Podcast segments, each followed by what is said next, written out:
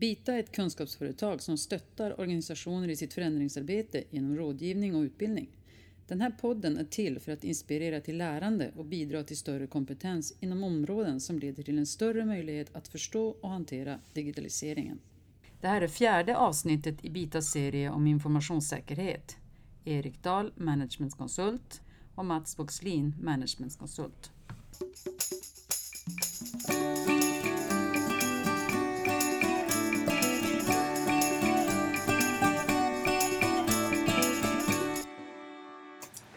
Hej och välkomna till Bita Talks eh, om informationssäkerhet.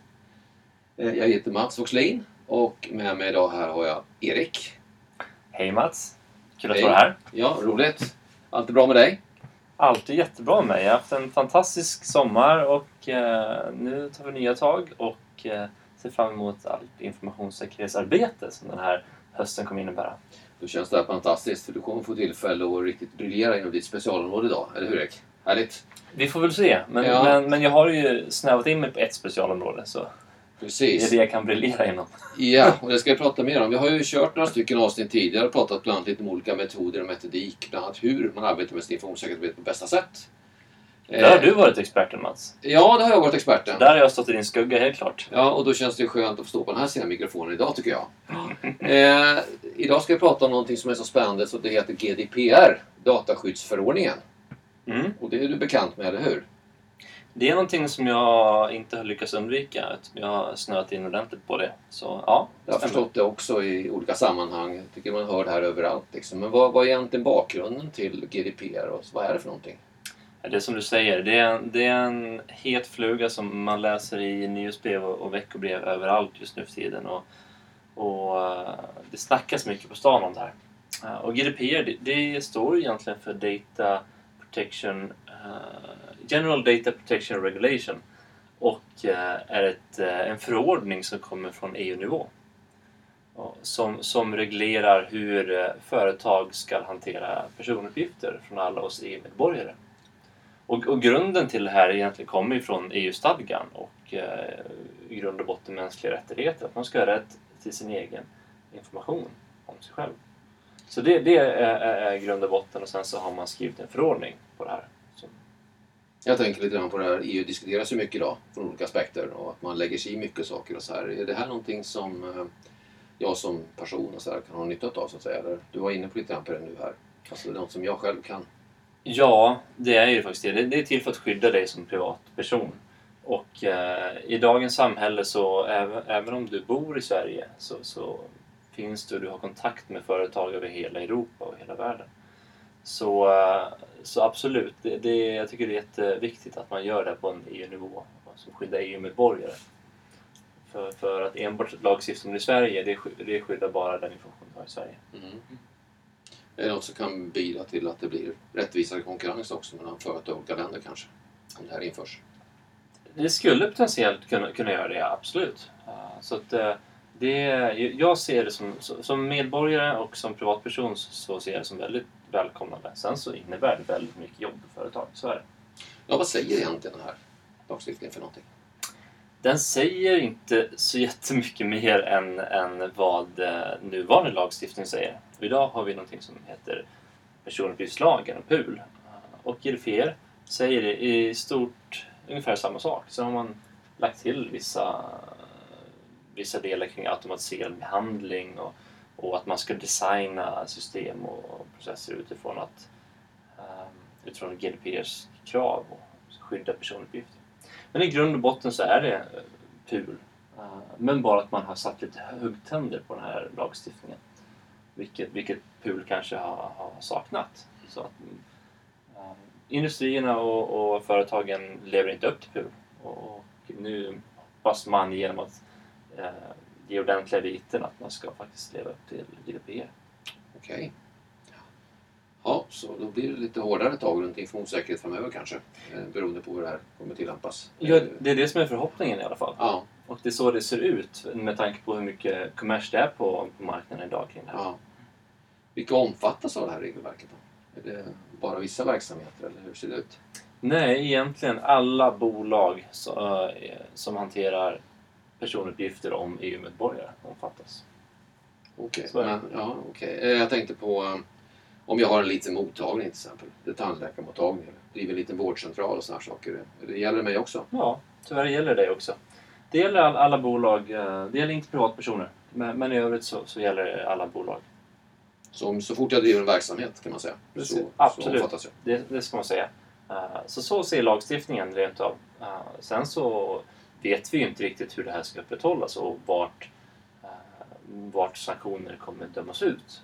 Men man kan ju kanske tänka sig att som liten tandläkare eh, eller om du har någon annan liten verksamhet att, att du kanske inte kommer bli kontrollerad. Som så. Men absolut, de gäller rent lagligt, helt klart.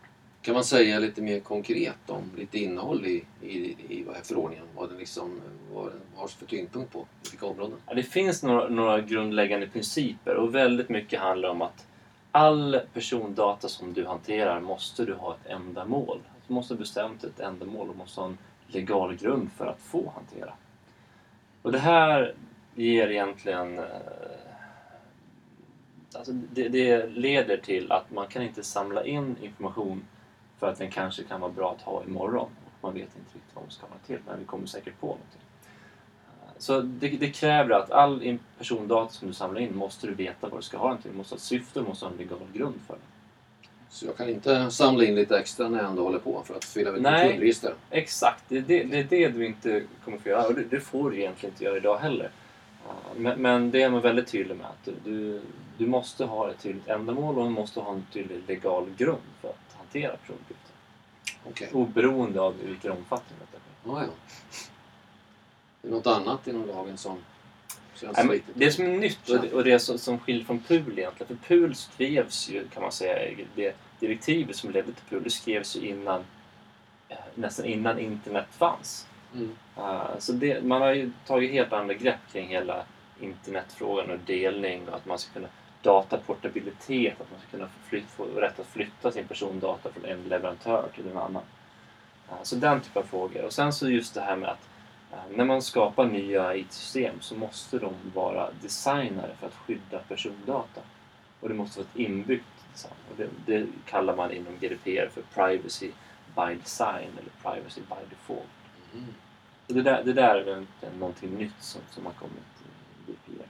Jag har hört lite som du säger också att om man till exempel ja, byter elleverantör eller byter, eh, inte längre vill vara medlem hos något företag eller någonting så har man alltså rätt att flytta sina uppgifter och kräva att de, eller kräva att de tas bort. Ja, du, du, har, så, här, du har rätt att flytta de, de personuppgifter som du har genererat. Sen om, om det här företaget själva har liksom genererat kanske användarhistorik beroende på vad du, du har köpt och sådana saker. Då har du inte rätt att flytta. Men, men det som du själv har bidragit med, det, det, som, det har du rätt att flytta. Och få flytta det. Om jag till exempel skulle känna att ja, jag vill inte gärna vara med i Skattemyndigheternas register längre. Kan jag då vända mig dit och plocka bort mina uppgifter eller hur fungerar det? Ja, det hade ju varit en, en, en, Det känns bra lite lösning. lockande ibland i alla fall. Ja, ibland. En gång per år så känns det väldigt lockande kan jag tycka. Men, men nej, tyvärr. Tyvärr så, så de har en laglig grund att behandla din data. Så där kan du inte bli glömd. Eh, Och, och de har en, eftersom du är medborgare i Sverige så har de det. Och samma sak med, du kan inte bli glömd hos kriminalvården eller vad det nu, nu kan vara. Eh, Så egentligen alla myndigheter. eh, Där är det, Så där fanns det ingen väg framåt alltså? där, nej, tyvärr. Okej. Du får nog försöka på annat Ja, håll göra där. det. Ja. Du, eh, när ska det här vara gjort då? Alltså vad, vad säger tidsplanen? En tidsplan säger som, som så egentligen att, att ehm, GDPR gäller som, som, som lag i alla EU-länder från, alltså från och med ett år tillbaka ungefär. Eh, men det man har sagt är att man har en tvåårs inställelseperiod. Så det innebär att lagen kommer börja tillämpas den 25 maj 2018. Okej. Och nu, nu har vi passerat sommaren här, eh, 2017, så det är inte så många månader kvar. Men jag tänkte säga det, det är Så inte så mycket att vinka på. Nej, det börjar brinna i knutarna helt klart. Och det, det är det vi märker på marknaden också. Eh, Paniken ökar mer och mer och eh, ingen vet egentligen vad som faktiskt kommer hända. Det är många som teoretiserar kring det här och vi vet ju vad lagen säger men sen hur det kommer tillämpas de facto, det, det vet vi ju inte än. Har du en känsla för hur mognadsnivån ser ut? Alltså på marknaden generellt? Det är en svår fråga förstås, men hur långt har man kommit i arbetet och liksom, hur tänker man hur man vill lösa det här så? Jag tror att de flesta stora organisationer i Sverige uh, är faktiskt ganska på, på bollen. Man har identifierat att det här kommer hända och man har in, inlett någon typ av projekt i alla fall. Så det känns ju ändå som privatperson känns det bra. Sen så om man har gjort rätt, det är en annan sak. Men, men de flesta stora organisationer har ett sånt här projekt.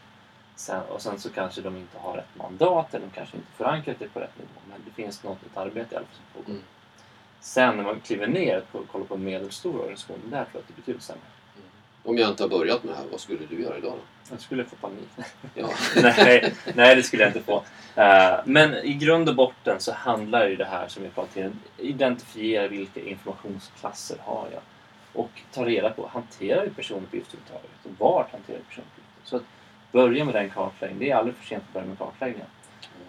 Mm. Och där är det så, har man gjort ett ordentligt informationssäkerhetsarbete och om man har gjort en informationsklassning då har du jättemycket bundet där i kartläggningsarbetet. Sen så kommer du landa i att du kommer behöva göra vissa förändringar i, i din IT-miljö och i dina arbetsprocesser.